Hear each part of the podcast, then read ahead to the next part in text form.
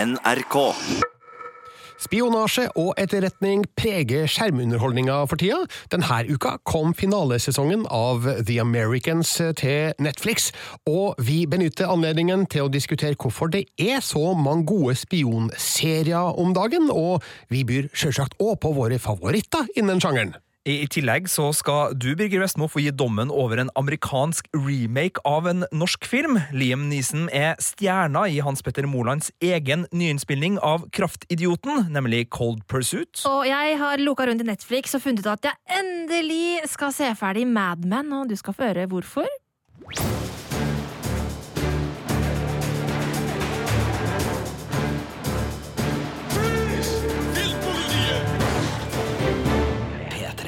Ja, velkommen til vår splitter nye podkast. Jeg heter Birger Vestmo, og i studio er også Marte Hedenstad. Og Sigurd Vik. Og det er du, Sigurd, som skal først ut i ilden i dag. Det skal handle om eh, en spionserie. Det skal det, for uh, Homeland, Jack Ryan, The Looming Tower, Le Bureau, Fauda, Homecoming Altså, det skorter ikke på spionserier av ypperste kvalitet, eller i hvert fall real kvalitet, om dagen. Eh, og denne uka da så kom finalesesongen av The Americans. There's trouble back home. What are you talking about? Something came up. One of our couriers went over to the Americans. It's been a gold mine. We're gonna get the illegals here and all over the country based on what we're learning. The Russians are sitting down with us in public, negotiating this big treaty, but behind our backs, they're still on our weapons and our technology. We've been mad about this a long time. I get why, but this is it now. We believed in something so big. They tell us what to do, and we do it. But we do it, not them. So it's on us, all of it. Det er altså snakk om den sjette og siste sesongen av The Americans, og jeg må si jeg har gleda meg skikkelig til denne avslutninga, fordi det er en serie som har gitt meg mange gleder og noen sorger, og sånn har vi det alle sammen i Filmpolitiet. Det er i hvert fall representativt for meg, men nå er jeg litt spent, Marte. Hvor ligger du an på Ja, The Americans? Jeg har jo falt av, jeg. Eh, Jeg har sett tre sesonger.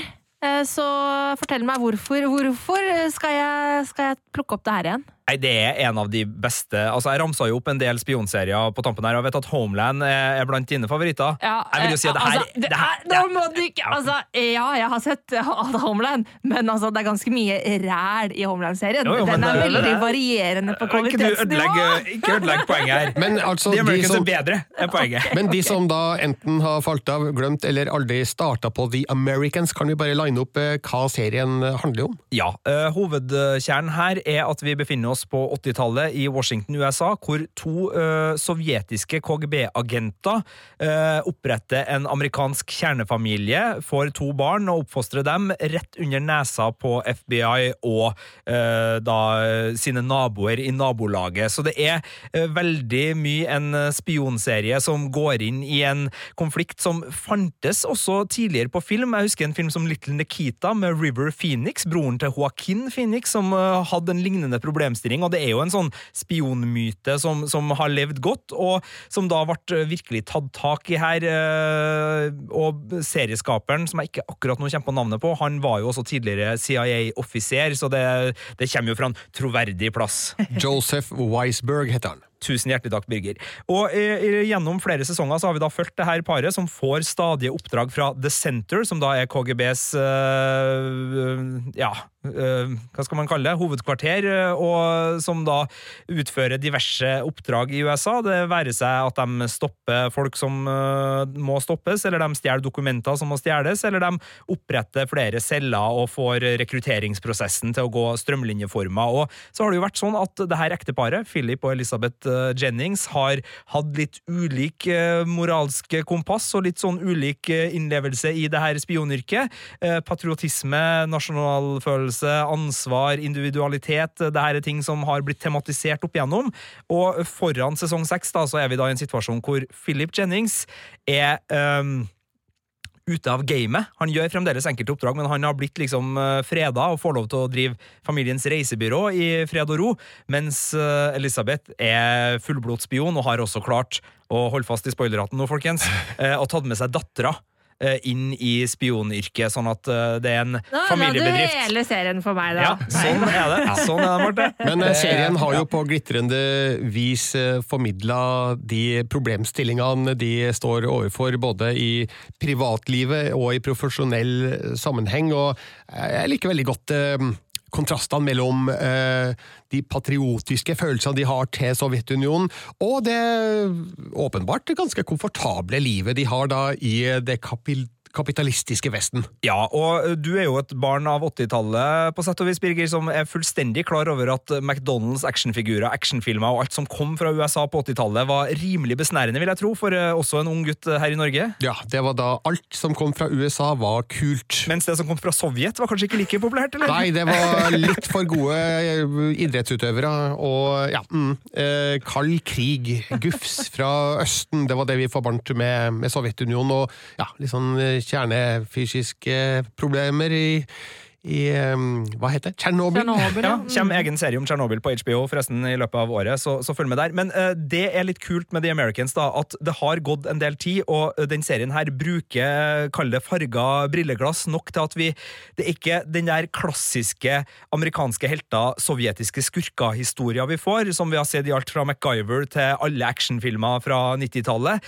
Her er det mer nyansert, og den fanger opp problemene med Reagan sitt USA og den blodkapitalisme, blodkapitalismen og kommersialismen som, som styrer det samfunnet, og som mange mener kanskje førte eh, jappetid og alt litt for langt, samtidig som den ser positive trekk ved kommunismens idealisme, og, og man skjønner da spesielt Elisabeth Jennings, som er den mest eh, ideologisk baserte av hovedrollefigurene, vi skjønner at hun syns at USA er en øh, plass hvor det er feil. Altså, Det er ikke rett, sånn som det er i USA. Det er urettferdig. Folk er fattige, bor på gata. altså, Det er mye sånn der. Mens i Sovjet så er det i hvert fall likhet i fattigdommen. Så, så, så serien er ikke unyansert. altså Den tar opp det her på, på fint vis. Og i ei tid, da, i dagens samfunn, hvor igjen Russland, USA, etterretning, valgfusk, eh, spionasje osv. er oppe i dagen, så tenker jeg at det er litt sånn innsiktsfullt å se hvordan det kan ha vært da, for å skjønne litt mer av hvordan det der fungerer, og hva som driver folk, ikke minst når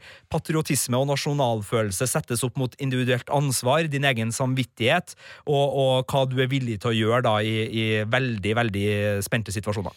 Nå er jeg veldig spent på hva du syns om sesong seks, fordi jeg må innrømme at jeg sleit meg gjennom sesong fem. Det var lav fremdrift, lav energi, det var noen lite interessante problemstillinger som ble dratt opp der, og i det hele tatt, jeg skjønte ikke helt eh, hvordan eh, serien skulle komme seg igjen, da. Eh, Men har de, har de klart det i sesong seks? Ja, de har virkelig det, og det er en finalesesong som gjør veldig mye riktig. Fordi eh, det var 13 episoder i denne sesongen du snakka om. Jeg likte den, men jeg er enig i tempoet var annerledes. Nå har de kutta det ned til ti episoder i finalesesongen, og de går tilbake De hoppa tre år fram i tid, så vi befinner oss i 1987, men de går tilbake til liksom sjølve hovednervetrådene og hemmelighetene i serien. Det vil si at vi får inn en del gamle fjes. Eh, vi får opp igjen de eh, tydeligste konfliktlinjene som prega sesong én spesielt, men som har ligget der hele tida. Ikke minst da blir de eller blir de ikke avslørt, og hvem er det eventuelt som avslører dem, og hvordan vil den avsløringa eventuelt bli? Altså de, de store spørsmålene som, som serien som spenningsserie har stilt da. Det handler jo ikke så mye om tematikken, men det handler jo rent sånn der stolkantspenningsmessig, og der fungerer den veldig godt. Eh, Og det er en serie som er opptatt av å gi rollefigurene en eh, god avslutning, hvor vi føler at vi liksom har fulgt dem igjennom eh, både handlingstråder og utvikling som ender en plass. Altså, de eh, er ikke opptatt av å bare klippe midt i lufta her. Her skal ting landes. Stolkantspenninga, den der svette stolkantspenninga, den holdes hele veien. Det er kun siste akt, altså de siste 15 minutteren av siste episode som kanskje gir litt lave skuldre, ellers så sitter du ganske sånn sammenknytt uh, i, i sofaen. Uh, og så er det et militærpolitisk bakenforliggende plott, med da spesielt et Sovjet som har indre stridigheter. Gorbatsjov er for uh, snill, mener en del KGB-topper, og det fører til at det er indre stridigheter i Sovjet som også da fører til store problemer for Philip og Elizabeth eh, Jennings, eh, som, som ligger og dirrer i bakteppet der. Så det er en meget uh, god finalesesong som fungerer godt som spenningshistorie, men som er, du ser veldig godt at det er tenkt å være siste kapitlet. Det jeg har likt spesielt godt da med de fem første sesongene av The Americans, er at den fremstår veldig Eh, troverdig. Eh, altså, vi er åpenbart i et eh, dramatisert fiksjonsunivers, men men man kan se for seg at det kanskje var slik agenter opererte på 1980-tallet? Hvordan, hvordan, er det i siste sesongen? Nei, det, det, fungerer godt. Det er som du sier, det er en fiksjonsserie, men det, i, i, en verden da, hvor Le Byrå er uh, så realistisk vi får det innenfor underholdningsspion-TV, og Homeland er litt mer Eller 24 ville ha vært det beste eksempelet, men Homeland nå da, er liksom den som er lite troverdig fordi at alt må skje den samme rollefiguren hele tida, hele tida, så er The Americans uh, på sida til Le Byrå, sjøl om den ligger eh, noen hakk innafor. Det her er en serie som dyrker spionsjangeren. Her skytes det fra sammenrulla aviser, Birger. Her er vi i parkeringskjellere, på parker, det er hemmelige samtaler, det er krittmerker på postkar... altså, alt, det her er, alt det her er nok riktig, men måten det presenteres på i serien, er bygd for å underholde deg. Eh, men uh, samtalene og rollefigurenes relasjoner, uh, om de ikke er troverdige, så er de i hvert fall bygd for å gi innsikt og et innblikk i hvordan det faktisk kan være. Der er jeg helt enig med deg og spesielt er det jo skuespillerprestasjonene til Kerry Russell og Matthew Reece, som er Emmy-nominert og delvis Emmy-prisvinnende for sine innsatser, som, som, gjør det her så fint. Og det, eh, det fanger jo veldig opp den der uh, fantastisk stressa situasjonen det må være. Altså, vi har sett uh, Le Byrå, hvor, hvor, utrolig intenst det må være å være spion. The Americans får også fram den sida ved det, og det er så deilig å se uh, Philip da, i Matthew Reece sin skikkelse som uh, forteller så mye sannhet og så er så oppriktig i sine løgner, og så ligger det en sånn liten sånn finsikta dose manipulasjon inni der som gjør at han uh, kommer seg unna med det, men altså spesielt med naboen, da, Stan Beeman.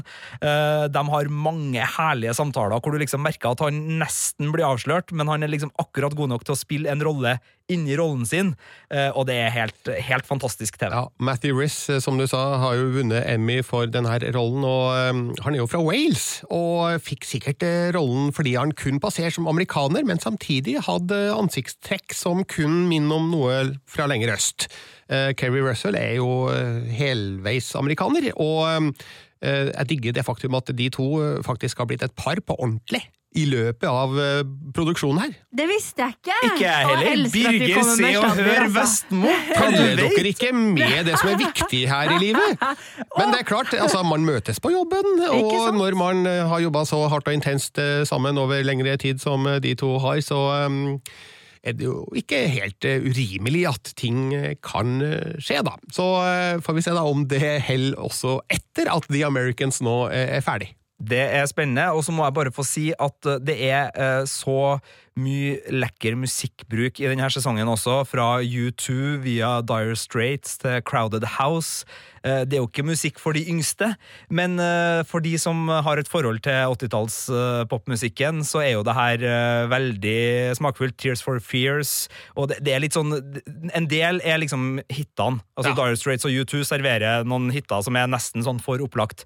Men bak der så ligger det noen såkalte deep cuts, som jeg vet at gamle radio-DJ Birger her vil nikke anerkjenne til. Altså spor som ikke er de mest kjente, og som spilles heavy rotation på radioen, ja. men som er albumspor som fansen virkelig kan kose seg med, og som har eh, Tekstmessig så gir jo det serien noen sånn eh, tråder opp til noen tematiske overtoner om eh, forholdet mellom USA og Amerika, og det å ha drømmer, og det å ha venner, og det å svikte de vennene potensielt, det å skulle bryte ut av noe sånt. Altså, det, det, er mye poetisk også i The Americans du, sin finalesesong. Du har overbevist meg, Sigurd. Jeg må jo plukke opp de greiene her igjen. Det er bra, det er bra. Nei, ja. det, det, er som Birger sier, det er litt Eh, sånn uh, slitasje midtveis i denne sesongen, kanskje opp mot uh, sesong fire og fem, hvor mm. det står litt i stampe, men den siste sesongen her, altså, den er veldig tilfredsstillende som seeropplevelse. Du, jeg bare ser her nå, måtte søke opp mens du prata om uh, musikken i sesong seks, og i første episode får du Crowded House, Peter Gabriel, Talking Heads og Fleetwood Mac, så de plukker fra øverste hylle her, altså. De gjør det. Og når de har bevega handlinga opp til 1987, så er det jo enda mer mer å ta av, det er åpenbart. Og det er kinoplakater i bakgrunnen, Birger, så du kan eh, bare glede deg til å liksom spot the movie eh, underveis her. Herlig. Så for å konkludere, akkurat hvor god er sesong seks av The Americans? Nei, Dere vet begge hvordan jeg har slitt med terningen på den her, fordi det har vært sytatt på kontoret, og han som syter, det er han som egentlig har verdens beste jobb, nemlig meg. Eh, Jeg var sånn i tvil. Er det her terningkast fem, eller er det faktisk terningkast seks?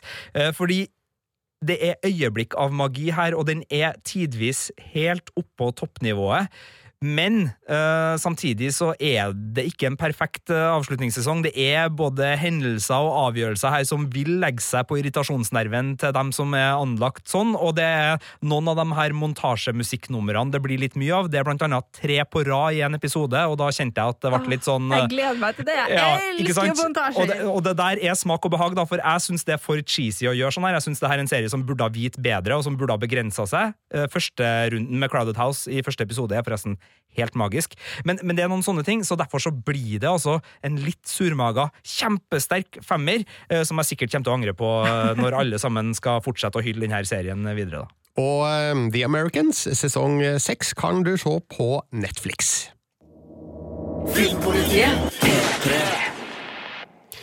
Eh, The Americans er altså en spionserie, og dem er det mange av om dagen. Hvorfor er det egentlig det?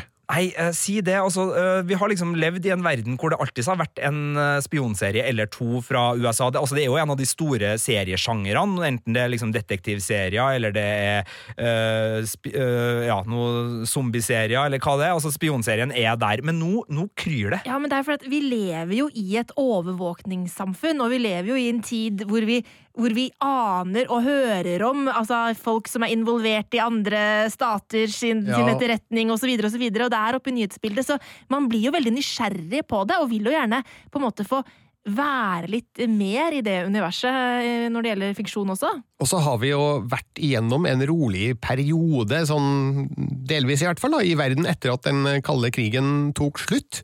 Men nå er jo den på full fart inn igjen, og da reaktualiseres eh, de her historiene som um, forteller om de som jobber litt bak kulissene, for å si det sånn. Ja, jeg tror også det er delvis en, en eh, sånn eh, Det er tegn i tiden. Altså, det er mye paranoia, det er mye engstelser, det er en del av den tematikken som sånne serier, da snakker vi både etterretning og, og spionserier, er bygd for å ta opp. Men vi ser jo også at det er mye historisk, og det tenker jeg går på det at vi vil øh, lære av historien, vi vil se hvordan det var. Altså, The Looming Tower, en knallgod serie som ligger på Amazon, handler jo om øh, hvordan FBI og CIA klarte å krangle så mye om etterretningsinformasjon at 9-11 kunne skje. Eh, og det her er jo også en historisk serie som ønsker å gi et blikk på hvordan var egentlig den kalde krigen, hvordan, eh, hvordan eh, fungerte den, og hvor nærme var vi kollapsen? Altså, det sa ikke vi så mye om i, i anmeldelsen, men det, det er jo ikke noe tvil om at eh, 1987, da er verden det, altså, det er ting der som gjør at det kan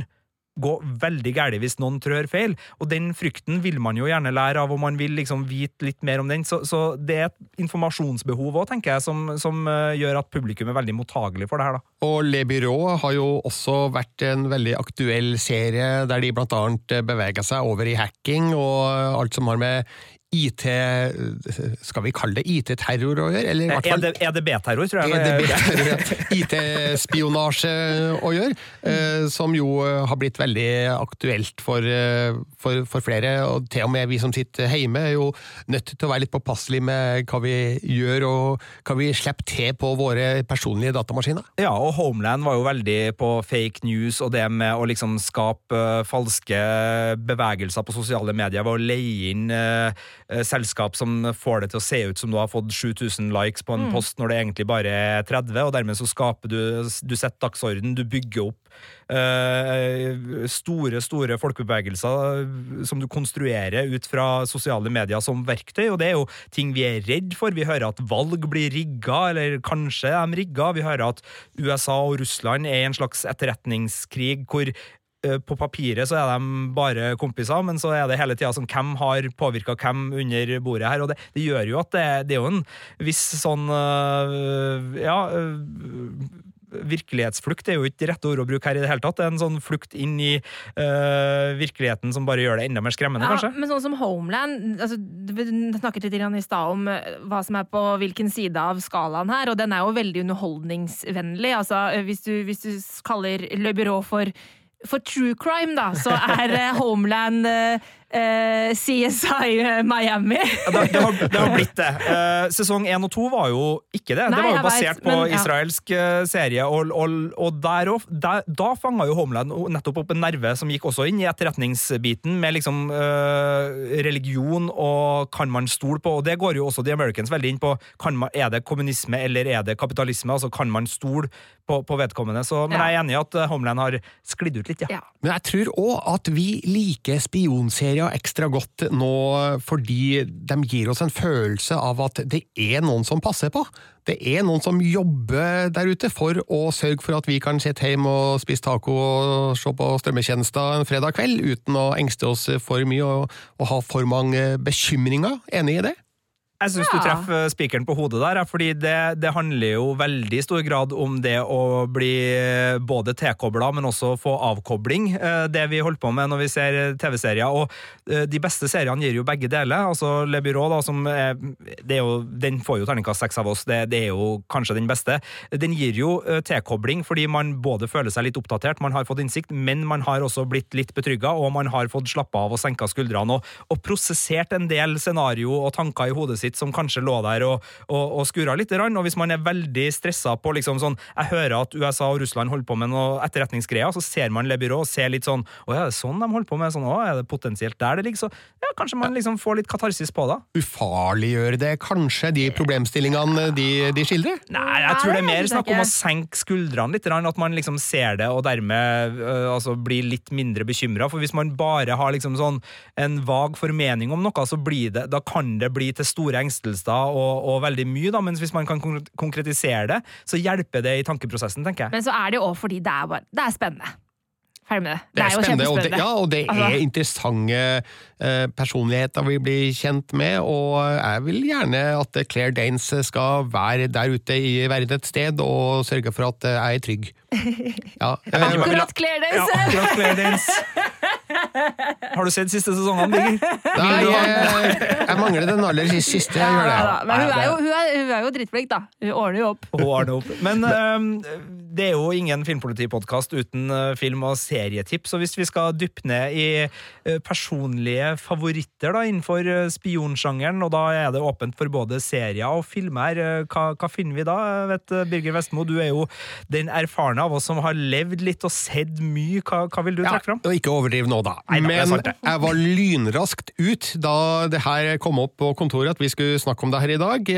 Jeg tinga med en gang på Muldvarpen, altså Tinker Taylor Soldier Spy fra 2011. og Da snakker vi altså om filmversjonen, ikke den gamle BBC-serien eh, basert på um, John Le Carrés roman.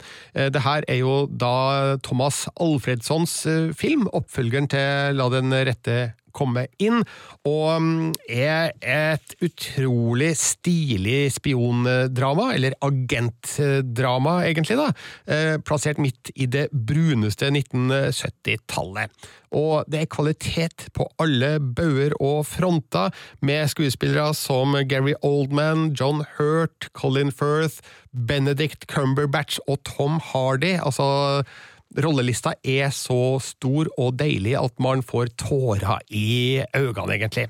Eh, For de som ikke har sett filmen, eller lurer på hva den handler om, så eh, er det da 1973 som er året her. Eh, Vi blir med inn i britisk eh, etterretning og et senter som kalles Circus. De får mistanke om at det lekkes hemmelig info til selveste KGB, og derfor blir veteranen George Smiley henta inn, spilles av Gary Oldman, eh, for å avsløre den da som uh, står bak det her. Uh, Og det er en film som er ikke den mest actionfylte du kan eh, se for deg. Eh, Noen kan til og med synes at eh, det går litt tregt, men for min del så eh, er det her, eh, som vi var inne på, et eh, eksempel på eh, troverdig spionskildring. Altså, vi kan absolutt se for oss at det var nøyaktig sånn det foregikk da på 1970-tallet, med de teknologiske virkemidlene man hadde til rådighet da, eller mangelen på teknologi, egentlig, da. Eh, veldig analog spionvirksomhet i, i, i Muldvarpen. Eh, dere har vel også sett filmen, så vidt jeg husker? Ja, den er knallbra, den. Ja, Eh, en av de beste kinoopplevelsene jeg hadde. Den hadde romjulspremiere, husker jeg, for er det fire-fem år siden? Den kom i 2011, ja. 2011 er det allerede, ja. Shit, Oi, oi, oi. altså! Men eh, ja, eh, absolutt en godbit. Og, og Gary Oldman i en sånn setting, det, altså det ja. Altså, han fikk jo Oscar i rollen som Winston Churchill i, i fjor, men, men jeg syns at George Smiley i Muldvarpen er om ikke hans beste rolle, så i hvert fall én av de beste. Og uh, Muldvarpen kan ses når som helst, hvor som helst, og der, nå fikk jeg lyst til å se den igjen, fordi jeg har vel ikke sett den siden premieren. Oi! Å ja, Ja, nei, det, det, okay. Da tror jeg du skal kunne sette av eh, Var det taco du sa du ville ha? til Ja, du, jeg veit ikke om taco er riktig mat til Muldvarpen. Eh, Et glass vin og noen britiske tørre kjeks, kanskje. Ja, en sherry, kanskje, til, til muldvarpen. En sherry, ja! Ja, men- når var det godt?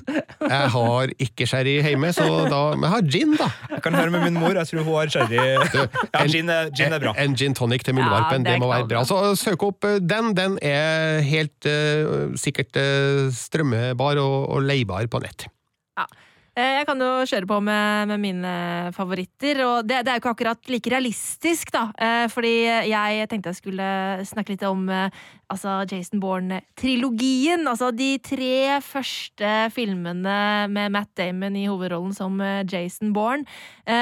Og det her er jo Altså, De filmene har holdt seg så utrolig bra. Jeg, jeg hadde et maraton eh, igjen i fjor, um, og da var det ganske lenge siden jeg hadde sett dem. Uh, og jeg ble umiddelbart revet inn i det uh, på nytt igjen. Uh, det er så fascinerende, den greia med Matt Damon som har glemt hvem han er. Begynner å nøste opp i sin egen identitet og forstår jo at han er rett og slett eh, en spion med litt spesielle evner. Og det her er jo ikke så realistisk med tanke på eh, at eh, Jason Bourne har jo litt Altså han har litt mer å gå på enn en, en, vanlig, en vanlig spion, men, men den har liksom den derre nerven og den derre hardkokte actiongreia som, som de beste spionfilmene har, da. Som jeg syns gjør seg så utrolig bra i de tre første filmene, da. Ja, jeg er helt enig. Og det er ikke fordi at nødvendigvis film fire, som da har Jeremy Renner, og film fem, som var tilbake med Jason Nei, med Matt Damon. Matt Damon, er så forferdelig. Men uh, historia som fortelles i de tre første, det er en veldig fin uh, bukett, Uh, og, og den, den fanges opp, liksom, nerven fanges opp umiddelbart i film nummer to, fanges opp umiddelbart i film nummer tre, og det drives videre. Og jeg òg syns det her er sånn underholdningsmessig perfekt, fordi det legger seg mellom liksom, Hvis du har Mission Impossible og James Bond på den ene sida, og du har uh, ja, Tinker Taylor Soldier Spy og de veldig nedpå, altså Three Days of the Condor, altså sånn spionklassikere på den andre sida, så ligger Jason Bourne og trekker litt fra begge deler. Den har veldig mange av de klassiske spionsjangerscenene i seg, og Jason Bourne er en smarting, altså han er en tenkende helt, uh, og etterretningsbiten med CIA og konspirasjonsteorier og bedrag og mulig kontraspionasje, altså alt ligger der og syder. I tillegg så har du noen bilscener som varer i 16 minutter, og som er dritkule. som er bra! Og det er så utrolig godt gjort, Fordi det er noe, da faller jeg veldig ofte av. Veldig lange bilactionsekvenser. Her er, du- her sitter du på ja, den der svette stolkanten din, Sigurd. Det var vel spesielt en biljakt i film nummer to, husker jeg, der de kjører Lada i, i Moskva, Ja. eh, som eh, det lukte, lukta svidd av. Eh, jeg likte jo godt eh, den første filmen som Doug Lyman hadde regien på, men det er vel egentlig de to neste, altså gåten Jason Bourne og Jason Bournes ultimatum i regi av Paul Greengrass, som ja, eh, er det de fleste husker da, fra Mm. denne eh, trilogien, og det var vel der eh, Jason Bourne-stilen virkelig satt seg, da, med litt kjapp klipping og noen ekstremt kraftfulle slåsssekvenser, husker jeg, som eh, gjorde meg imponert, og fikk nesten lyst til å gå i et eh, barslagsmål eh, og leke Matt Damon, men eh, har ikke gjort det enda da. Men eh, det er vel de to siste da, som har underholdt meg aller best. Eh, Den første husker jeg mer som en litt mer sånn tradisjonell østblokk-agentfilm, mens de, de to neste utvida eh, scopet, hva heter det på norsk? Scope. Uh, ja. Utvide, utvida nedslagsfeltet, i hvert fall, da, til litt uh, større område. og- Historiens horisonter, kan man Takk si. skal du ha, det var da Sigurd. poetisk. Ja. Eh, Men trilogien eh, trekkes frem her nå. Betyr det at den fjerde og femte filmen ikke er av samme kvalitet? Ja, jeg syns Syns ikke det var like bra, nei. Gode actionfilmer, Ja, men mangler spionnerven. Ja, enig. Ja. Og det, og det er nettopp det du sier. Altså det at det starter med en østblokk-spionfilm, og så blir det to gode actionfilmer etterpå, eh, som trekker veldig på den historien fra den første filmen, det syns jeg gjør at den fungerer både som øh, tenkende spionfilm og som action-blockbuster, mens de to siste installasjonene er mer reine actionblockbustere. Uh, not that there's anything wrong with Nei, it. Nei. Du ser, absolutt du ser ut som jeg, Nå følte jeg meg som en sånn alien her jeg satt framfor deg. Men, Nei, nå, feil, nå feiltolker du. men, men du liker de Eller kan jo ta Jeremy Renner ut av ligninga her, da, men du syns også den fjerde Born-filmen som bare het Born, vel, eh, fra 2014-2015? Ja, den heter, den heter Jason Born. Eh, s- les anmeldelsen min her nå på skjermen ved siden av meg, og jeg kaller det da en tettpakka og action-metta historie, som riktignok må finne seg i å rangeres under film to og tre i serien, men som likevel har den intense handlinga og den trykkende atmosfæren som gjør Jason Bourne-filmene til effektiv underholdning. Og det er vel det jeg liker best med alle de her filmene, eh, og spesielt av den første trilogien, at det er eh, spionaction her som er eh, både troverdig og litt overdreven på en underholdende måte, så vi får liksom hele pakka, da. Det er vel det vi kan si om Jason Bourne-filmene, som da var Martes eh, tilskudd. Mens eh, du, Sigurd, hva har du gått for eh, når det gjelder spionserie eller film, verdt å merke seg? Nei, nå burde jeg jo selvfølgelig komme med en TV-serieanbefaling her, og gjerne noe som ikke var basert på en bok, sånn som både Jason Bourne og, og Tinker Taylor Soldier Spy er.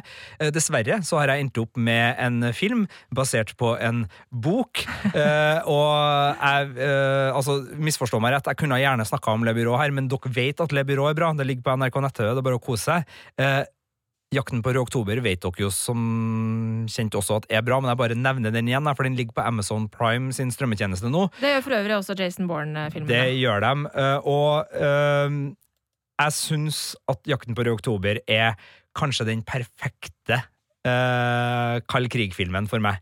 Uh, og en uh, ubåtgyser. Altså, det er en sjanger, ubåtsjangeren, som har gitt veldig mange gode filmer. Eh, Birger, du kan ramse dem opp eh, hvis du har lyst. Altså Das eh, U571, eh, K19 The Widowmaker, og så tror jeg vel jeg ikke skal nevne eh, Hunter Killer, som hadde Nei, kinopremiere Men. Crimson Tide kan nevnes. Ja, Rødt hav, som den heter på norsk. Takk Ja. for den. Og der hører jo selvfølgelig også Jakten på rød oktober inn. Ja, jeg syns det, og for meg så er den eh, optimal, eh, delvis fordi det er Sean Connery.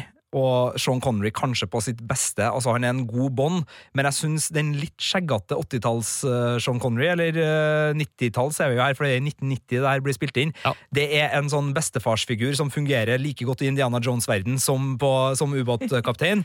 uh, og jeg syns det her er en, eh, en deilig film som har masse sånn der militærmann... Altså sånn Do a crazy Ivan, altså en ubåtmanøver som lurer folk på havets bunn, og den har en del sånne eh, scener som bare liksom festa seg veldig i meg som ung eh, filmtitter. I tillegg så er det jo en Jack Ryan-film, eh, og Jack Ryan er jo eh, Altså En av de store spion- og etterretningsheltene som, som fungerer veldig godt. Han er spilt av Harrison Ford, han er spilt av Ben Affleck, han er spilt av Chris Pine, han er spilt av John Krasinski nå i TV-serien Jack Ryan, som også ligger på Amazon Prime. Men her er det da Alec Baldwin som eh, spiller Jack Ryan, eh, og gjør en fin figur, fordi det her er snakk om en analytiker, en CIA-analytiker, som ikke egentlig har lyst til å være ute i felten, men når det kreves, så kommer han. Og der har du litt sånn heltetyper, da. Hvilken heltetype liker du? Og Jack Ryan er veldig den heltetypen jeg liker. Han er smart, han har ingen problem med å slå fra seg når han må, han har ingen problem med å snakke uh, til, altså sånn stand up for himself, men han søker ikke noe av det her i utgangspunktet. Han er en nedpå-fyr som, øh, som dukker opp der det trengs, og ikke, han er ikke ute etter noe ære eller noe som helst sånn. Så jeg liker Jack Ryan, og jeg syns han er helt glimrende i The Hunt, of, uh, Hunt for Red October, eller Jakten på Red Oktober, fordi han skjønner det så tidlig. Og i tillegg til Alec Baldwin så er det jo et solid rollegalleri her, med blant andre Scott Glenn og Sam Neill og James Earl Jones og Tim Curry. Og Stellan Skarsgård i en rolle som russisk ubåtkaptein, og det tror jeg kanskje er første gangen jeg så Stellan Skarsgård på kino. For jeg så jo selvfølgelig Jakten på rød oktober på kino. Eh, dessverre eh, på første rad i Colosseum eh, i Oslo, og det var litt nært. Eh, og det er òg faktisk, det skal man si det, den eneste gangen jeg har sett Jakten på rød oktober, men jeg husker den veldig godt, og eh, har alltid likt filmen og rangerer den høyt, men eh, her har vi en film jeg virkelig burde gi et gjensyn ganske snart. Ja, der tenker jeg, Hvis den finnes på 4K Blu-ray, så bør det være noen i familien din som tenker julegave til Birger Vestmo øh, ganske umiddelbart. Veldig lenge til jul. Ja, det er sant. Eh, Jeg men, kjøper Blu-rayene mine sjøl. men øh, nei, den, den, den tåler virkelig et gjensyn, og jeg så den for ikke så lenge siden, og jeg syns uh, altså, det del 90-talls action-thrillere som ikke holder seg spesielt godt. Eh, man kan være slem mot speed her, men øh, man kan også være slem mot andre filmer. Eh, men, men Jakten på oktober, fordi den intense stemninga i ubåten er godt filma, og den, den har ikke endra seg så radikalt at det føles veldig utdatert. Selvfølgelig teknologien long gone, men, men den øh, har en tidskoloritt som, øh, som ikke gjør at den er datert, men øh, mer bare satt i tid.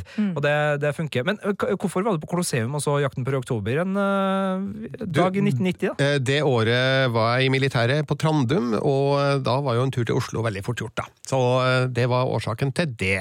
Eh, John McTiernan hadde jo regien på Jakten på rød oktober, jeg vet ikke om vi har nevnt det, men eh, det er jo en regissør som han har vel ikke laga en eh, eneste datert eh, film, har han det, da? Altså um, Die Hard, selvfølgelig, og Predator.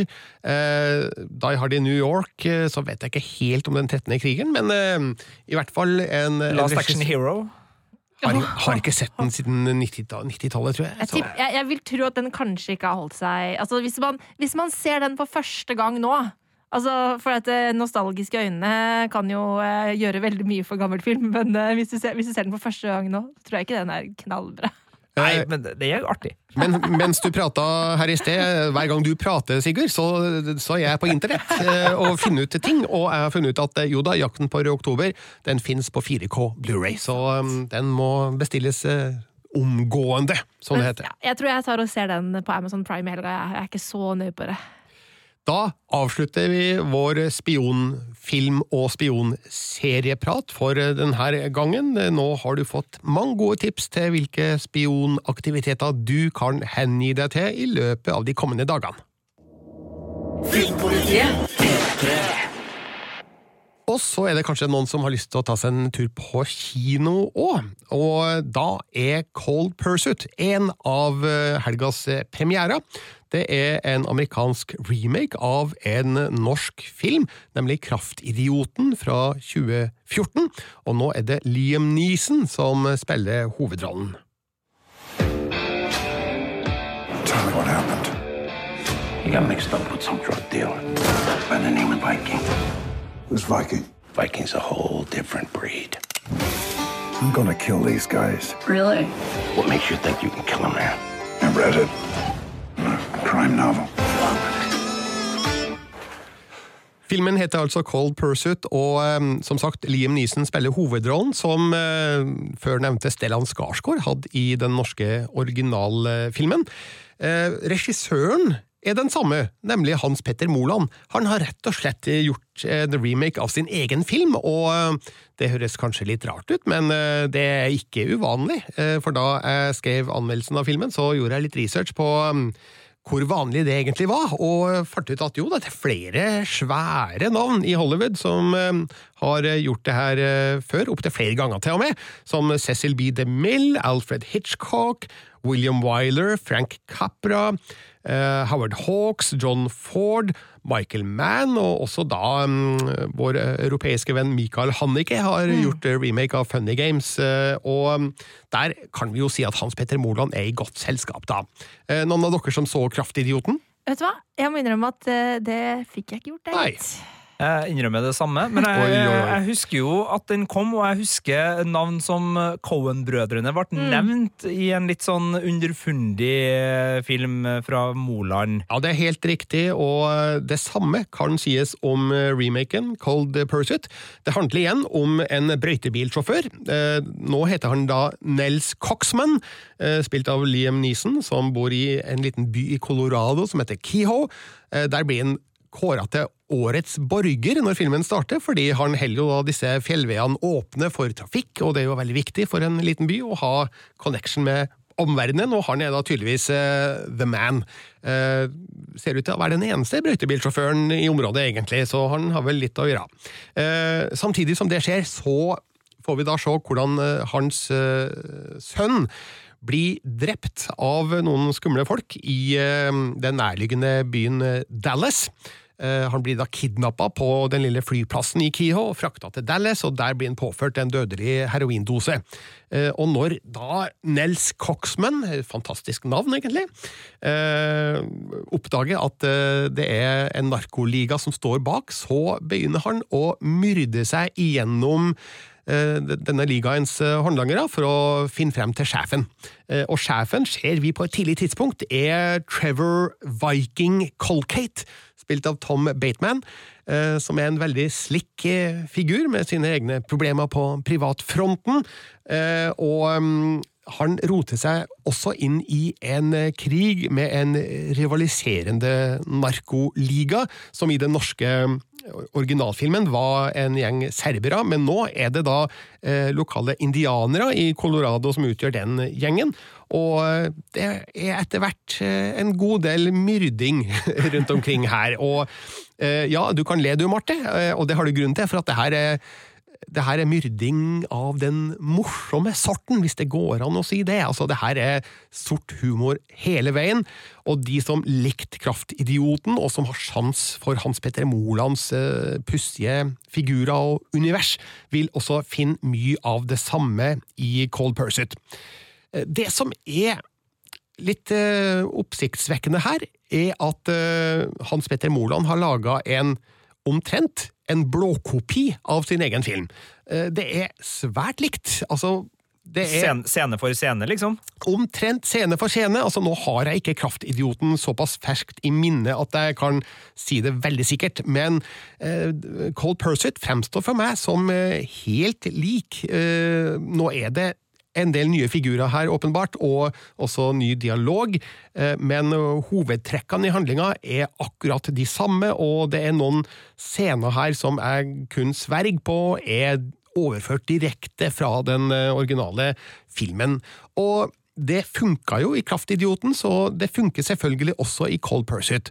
Men man kan jo da stille spørsmålstegn ved hvorfor Hans Petter Moland ville gjøre det her, altså for det tar jo mye tid å lage en film. Så hvorfor ville han fortelle den samme historien en gang til på nøyaktig den samme måten? Han når jo ut til et større publikum, et internasjonalt publikum, da, på en annen måte. Det er jo helt åpenbart at han gjør. Eh, Liam Neeson i hovedrollen åpner jo for at eh, hevnfilmfanatikere finner veien til, til kinoene i langt større grad enn eh, på en, en norsk film med undertekster. Eh, Selv om Stellan Skarsgård er også et eh, lite draw, men Ja, ja. eh, Liam Neeson er jo klart en større stjerne, så det er klart Det er mulig Hans Petter Moland har tenkt litt strategisk her, at hvis han bare gjør det her, så vil dørene åpne seg for enda flere større jobber. Så har du jo en litt sånn snedig parallell til serieverden om dagen, fordi der driver jo norske serier i større og større grad og spilles inn øh, på engelsk og norsk samtidig, og av og til også med øh, forskjellige skuespillere. øh, I den engelskspråklige og den norskspråklige varianten, som for eksempel En natt, som har en annen øh, mannlig hovedrolle i den engelskspråklige varianten enn i den norske.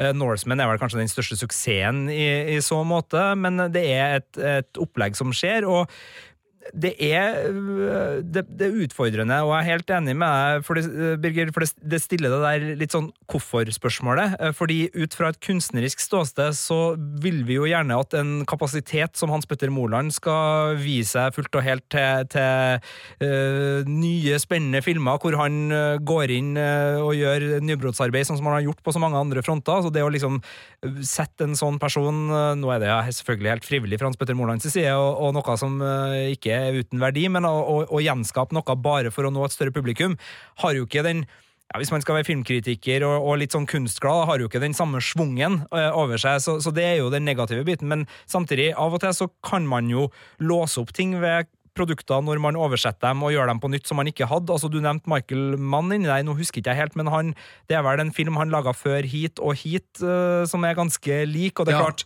Heat kom sist og er kanskje best, jeg vet ikke. Eh, Jo, LA Takedown eh, var den eh, første som Heat uh, er basert på. Aldri sett LA Takedown, så jeg kan ikke si hvor lik den er, da.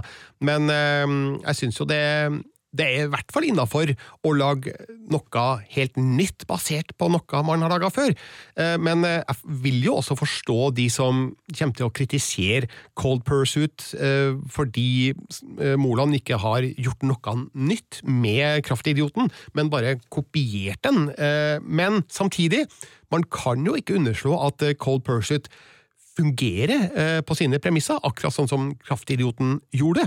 Eh, men det er kanskje viktig å understreke at har du sett Kraftidioten, så er det ikke sikkert du får så veldig mye ut av Cold Pursuit, eh, for du har allerede sett den samme historien, bare med litt andre nyanser, og et litt mer norsk særpreg, da, som Cold Pursuit da åpenbart mister. Men jeg syns at det er åpenbart en verdi i å kunne fortelle denne historien på en internasjonal arena, da, og nå bredere ut.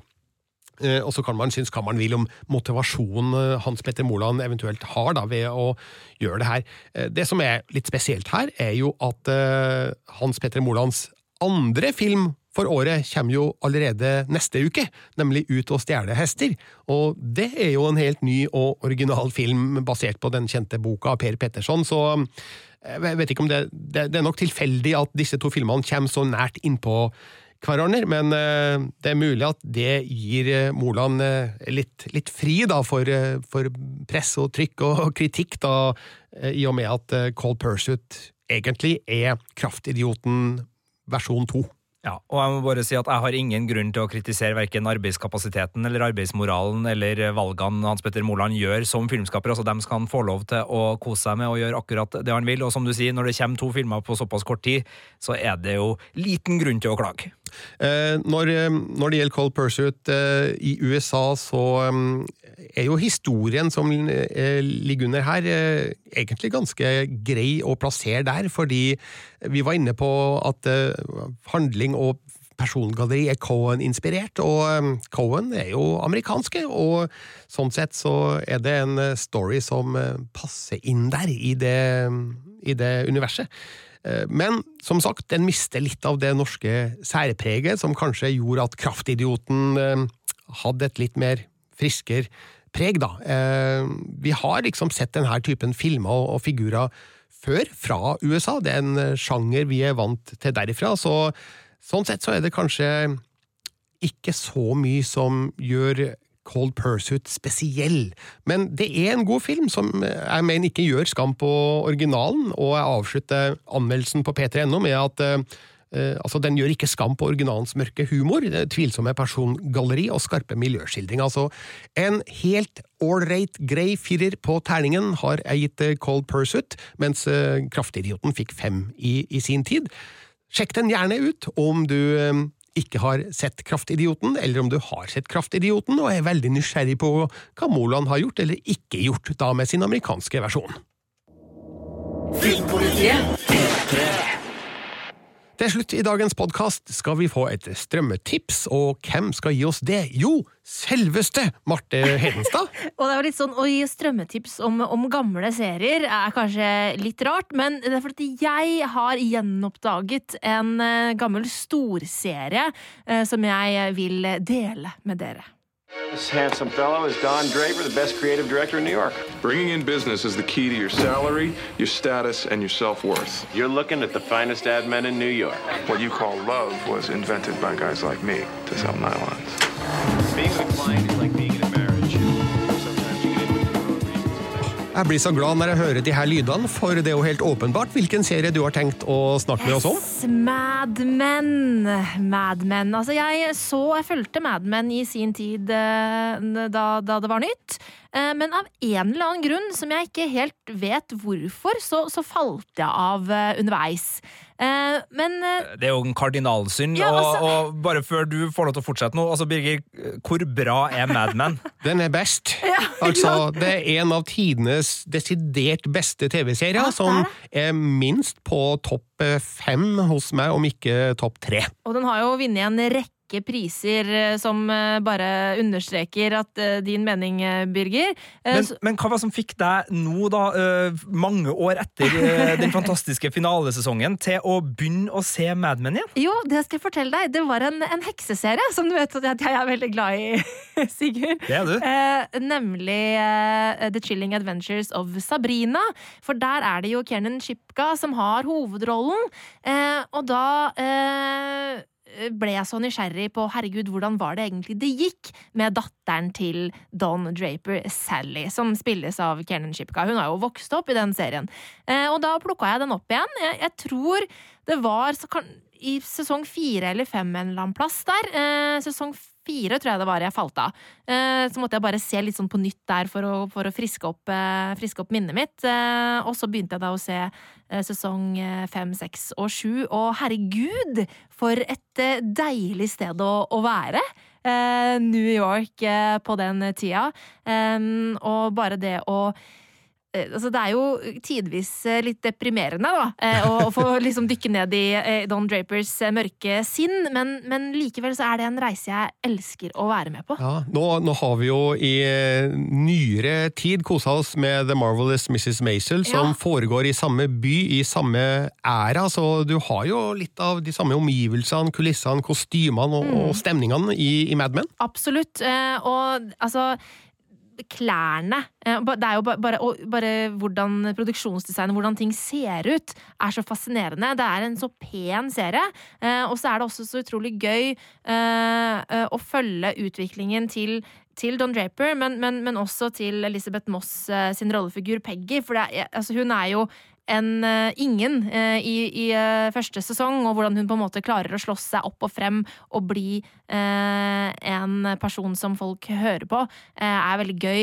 eh, å være vitne til. Og liksom hele den der litt sånn kvinnekampgreia i det også er veldig interessant å, å følge med på. Og Eh, herlighet, altså. Jeg har kosa meg så mye, og hele greia ligger jo i Netflix, og jeg har virkelig binsja det her.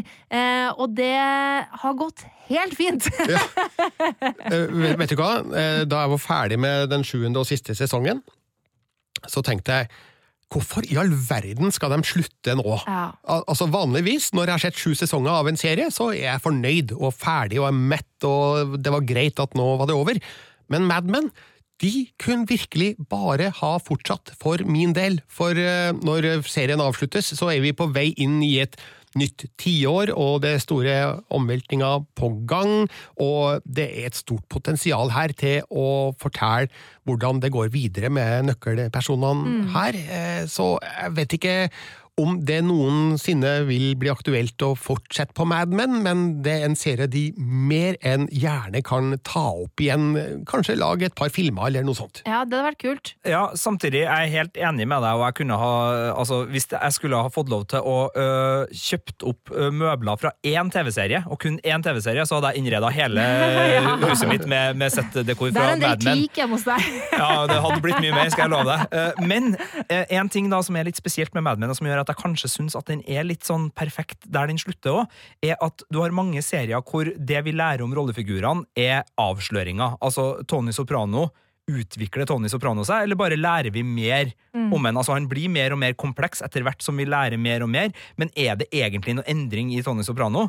Uh, Don Draper har en endring, Peggy har en endring. altså Det er veldig fine sånn story arcs, som det heter på engelsk, og jeg mangler, mangler ord, på rollefigurene i Mad Men, som jeg syns uh, gjør serien på sett og vis litt sånn komplett i den eh, den ramma den har fått, da, men jeg, jeg er ikke uenig med deg, Birger. Altså, hvis det hadde kommet en Mad Men-film, jeg hadde storkosa meg. Samtidig, viktig å påpeke, uh, det er jo det gode gamle om å gi seg på topp. Ja da, det er jo det. Og det gjorde Mad Men virkelig, og gudene vet om vi hadde syntes det var en like god idé hvis vi hadde fått sett eh, sesong åtte og ni og ti.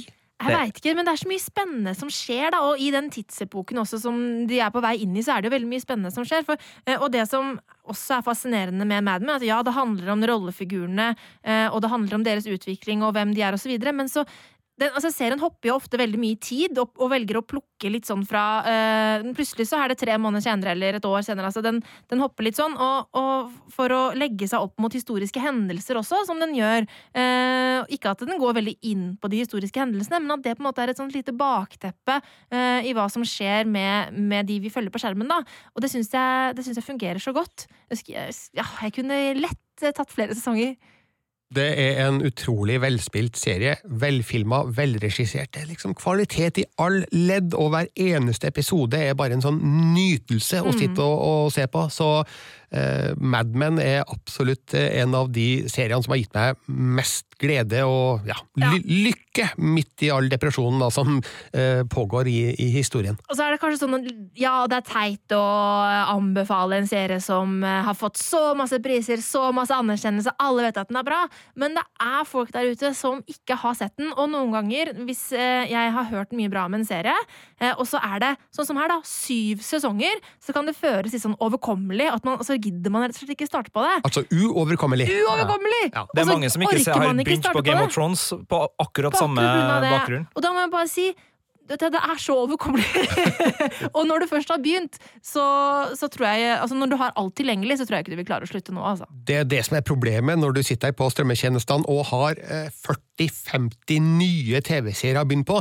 Skal du begynne på en av de nye, eller skal du begynne på en serie fra 2007? Du skal begynne på en fra 2007. Ja, ok, nemlig.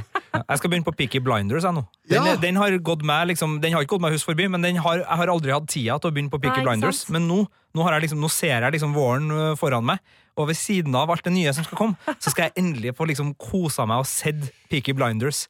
Så, så det er, men det er som du sier, det, det er jo ikke sånn at folk ikke har sagt at Peaky Blinders er bra, men man har liksom bare aldri summa seg, og derfor et slag for, øh, for Mad Men nå syns jeg var helt på sin plass. Og så bare lurer jeg på, for jeg er nysgjerrig, du øh, kom jo til denne serien fordi det var én spesiell skuespiller som du som Mm. fanga din oppmerksomhet. Hun husker ikke jeg så godt. Hvordan, var, Å, ja. syns du hennes story arc, og, og hvordan er det å oppleve henne altså- i den serien? Veldig kult. Altså, I de første sesongene av Mad Men så har jo Sally bare en bitte liten rolle. Uh, men hun får jo mer og mer plass, fordi hun også På en måte hennes uh, voksenhet, eller altså når hun skjønner hvem sin far er, og lærer han bedre å kjenne, så, så blir hun også viktigere for Don Draper. Øh, for han merker, altså hans fraværende far, øh, farsrolle, blir mer og mer problematisk for han. Eh, Sånn at eh, hun får mer plass, og hun har jo ikke en dritsvær rolle, men det var kult å se henne der. Og så eh, selvfølgelig også Elisabeth Moss, for de som digger Handmaid's Tale, er jo en fantastisk skuespiller. Ja, Men for Sabrina-fans så går det an å kose seg med Mad Men? Absolutt, du, absolutt, Ja. men det er først mer sånn litt uti de senere sesongene at du får ordentlig payoff på det, da. Og Keenan Shipka er nå 20 år. Ikke sant? Bare si det. Så time flies. Men ja, nei, når var det Mad Men starta, sa vi? Jo, det var 2007, og det er jo en stund siden. Tusen takk for et kjempebra tips, Marte. Nå fikk jeg nesten lyst til å gå tilbake og begynne på'n igjen. Altså, det går an, det, å se sju sesonger av en serie for andre gang? Absolutt. Skummel serie å velge seg drink til, for du, drikkepresset underveis der er ganske hardt. Så hvis du skulle, se, hvis du skulle drikke gin til, til Tinker Taylor Soldier Spy, og jeg tenker kanskje en sånn ja, kanskje noe så småfrekt som en japansk whisky til, til Mad Men, så kan man jo fort øh, bli litt uh, bløt i levra. Fins helt sikkert en oversikt på nett over alle drinker som blir servert i hver eneste episode av Mad Men, så kan man Å, bare forberede uh, arsenalet, nær sagt. Og ja, hver gang det drikkes en drink i serien, så tar man en hjemme. Da blir man fort veldig full. Filmpolitiet vil informere om at vi ikke oppfordrer noen av de som lytter på Filmpolitiets podkast til å følge det drikketipset. Nei, men altså, eh, det, er jo, det er jo interessant å se da, hvordan kontorene i Mad Men eh, har jo hvert sitt drinkbord. Altså, skulle vi hatt et i hjørnet inne hos oss? Jeg har faktisk kjøpt meg spritvogn i teak, jeg, Birger. Eh, Akkurat nå så står den på stua, men kanskje jeg skal få den med opp på, på kontoret, så vi kan Hver gjøre det. dag Ja. rundt lunsj kan det komme sånn trillende klirr, klirr, klirr rundt i lokalet her og by på en liten knert. Å, nydelig. Nå fikk jeg mange bilder i hodet mitt. Det kunne ha blitt en interessant utvikling da i, i Filmpolitiets eh, historie, om så hadde skjedd. Da er altså Mad Men eh, tilgjengelig fremdeles på HBO. Netflix, Netflix, Mm. unnskyld! Ja, Netflix, det går Netflix. an å gå sur i stemmetjenestene sine her. ja, ja. I Netflix, altså. Eh, Jeg tror til og med jeg har hele serien på DVD av en eller annen grunn. Jeg har den på Blu-ray, og det er jeg litt glad for, fordi uh, det her er jo en serie som uh, jeg vet at har blitt uh, fanga opp av Jeg tror det var Gry Cecilie Rustad som har skrevet eh, akademiske oppgaver om det å bli uh, holdt på å si telefil, altså så opptatt av eh, hvordan det ser ut på, på skjermen, og brukt Mad Men som eksempel, for det er en fantastisk serie. Så jeg skal ikke si at du ikke skal se den på Netflix, men hvis du kommer over et billig Blu-ray-tilbud på den, Ja, ja. så er eh, oppløsning og bildekvalitet absolutt eh, viktig for denne serien, så kanskje vær litt Men, snobbete. men, men men, har du det litt dyrere Netflix-abonnementet, eh, som du får bedre Det, det er litt bedre. Ja, det eh, på- fi- men jeg vet, ikke og 4K ligger, jeg vet ikke om den ligger i 4K på Netflix. Nei, det er ikke sikkert. ikke. Det, er det er stort sett. Netflix-originalene som gjør det. Men det så helt fint ut Ja, ja, ja. på min eh, 55-tommer. Ok, eh, er det nå jeg skal bare skyte inn og si at nei, Marte Hedenstad? Strømmekvalitet, det er faktisk, det er faktisk ikke bra nok. Men altså, eh, ser du aldri ting på strømming? Jo, det er jo der jeg stort sett Men ser serien. serier. Men irriterer du deg da? Ja, grønn. Spesielt nå, jeg nevnte jeg til deg Sigurd tidligere en dag her, jeg så jo da endelig ferdig Escape at Dannemora på HBO. Og det er helt gyselig kvalitet. HBO er litt dårlig, da. Jeg syns Netflix er bedre eh, på bildekvalitet enn HBO Nordic. Eh, Der har HBO en eh, vei å gå, for å si det sånn. Ja, nemlig. Så det er mulig at jeg har en annen opplevelse på Netflix, men eh, inntil strømmetjenestene virkelig kommer seg ovenpå på kvaliteten, så er Blu-ray fremdeles det aller beste å se serier og filmer på. Det er jo bare sånn da at eh, serier gjerne ikke er tilgjengelig på Blu-ray sånn med en gang, og da Og så er de dyr. Og så er de dyr. Ja, for det er så masse sesong, mange plater, mange Ja, Ja, ta så da er det veldig convenient da, å, å strømme, så det er jo selvfølgelig det jeg gjør. Men eh, har jeg et valg, går alltid for disk. Ja. Du har aldri gjort sånn som jeg gjør. Eh, disken ligger oppe et sted. Eh, jeg gidder ikke reise meg fra sofaen og gå opp, og så skrur jeg bare på en film i strømmetjenesten isteden. Det har du Du aldri har gjort. med, du har vel til og med leid filmer i iTunes som du eier. Betalt! Jeg har betalt penger for ting jeg eier! Du, vet du hva? Jeg, jeg nekter å gjøre det. Altså, jeg går ned i kjelleren, jeg går inn i lagerrommet og plukker fram en film fra en pappeske som jeg vet jeg har, eh, i stedet for å trykke på strømming, altså, fordi okay.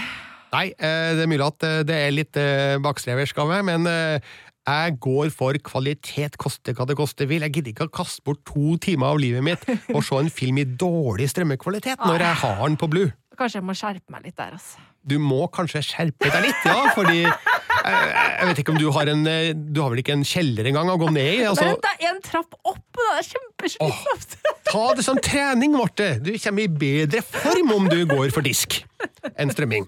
Sånn er dagene på Filmpolitikontoret. Eh, Det var en podkast med både strømmetips, spiontips og, og kinotips. Eh, Det er artig å jobbe med dere, begge to. Driver du og avrunder nå? Er det ikke jeg som er programleder for denne podkasten?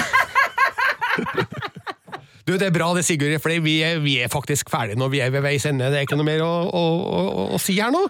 Eh, hva du sa? Vi har vært igjennom Eh, Strømmetips og spionserietips, spionfilmetips og ikke minst kinotips. Så tipskvoten har vært høy i denne podkasten. Takk for den oppsummeringa, det var veldig bra, Sigurd. Eh, Nå er det en annen podkast vi har også, eller som du og Marte har, som absolutt eh, må promoteres. Oh yes, Game of Thrones-podkasten. Game of Thrones-podkasten med K, der du finner dine podkaster. Det var reklame for i dag. Vi har en ny podkast ute der vi snakker om sesong fem av, eh, av serien. Vi driver jo og oppsummerer og forbereder oss på sesong åtte, som kommer i april. Eh, nå er det bare nok uker igjen til Ja, å du se klarte alle. ikke regne det. Jo, men jeg tror Det er sju uker igjen, Ja, sånn, og det er ja. sju sesonger. Så hvis du skal se én sesong i uka, så må du begynne nå. Ja, ok. Begynn nå å se, og så kan du høre på podkasten sammen eh, med oss, eh, hvor vi tar for oss eh, spørsmål og alt mulig du har å lure på. Så hvis det er noe med Game of Thrones du har lyst til å spørre oss om, send det til filmpolitiet at nrk.no. Som jeg sa til dere tidligere i uka, min sønn på 13 har nettopp begynt på Game of Thrones, og han er allerede halvveis ut i sesong to. Tenk å se Game of Thrones for første gang, da. Herlig følelse. Ja, jeg har vært litt sånn skeptisk på skal man slippe løst en 13-åring på Game of Thrones, men uh, har det såpass drevet nå at eh, jeg tenkte at det var ok, da. Men uh, han storkoser seg, så det spørs da når uh, den siste sesongen kommer, om vi er nødt til å se den sammen. Men det dere sier nå, er at hvis jeg skal ta en recap av alle sesongene, så må jeg starte nå. Ja, det må du, eh, hvis ikke du skal få det veldig travelt, da. Hvis du skal ha litt sånn pusterom også. Oh, kommer jo Hvis du skal ha, til å se rekke det. din sønn i det hele tatt utenom Game of Thrones-titting, så må du begynne nå. Takk for tipset. Eh, apropos tips, hvis du har likt det du har hørt, så gi oss en rating og en kommentar der du har henta podkasten, slik at enda flere kanskje får opp øynene eller ørene sine da, for oss. Og så er vi tilbake med en ny podkast om en eh, uke. Send oss eh, mail, tips, spørsmål, kommentarer på filmpolitiet.nrk.no. Følg oss på Instagram, følg oss på Twitter. Jeg heter Birger Vestmo, og sammen med Marte Hedenstad. Og Sigurd Vik. sier jeg tusen takk for følget.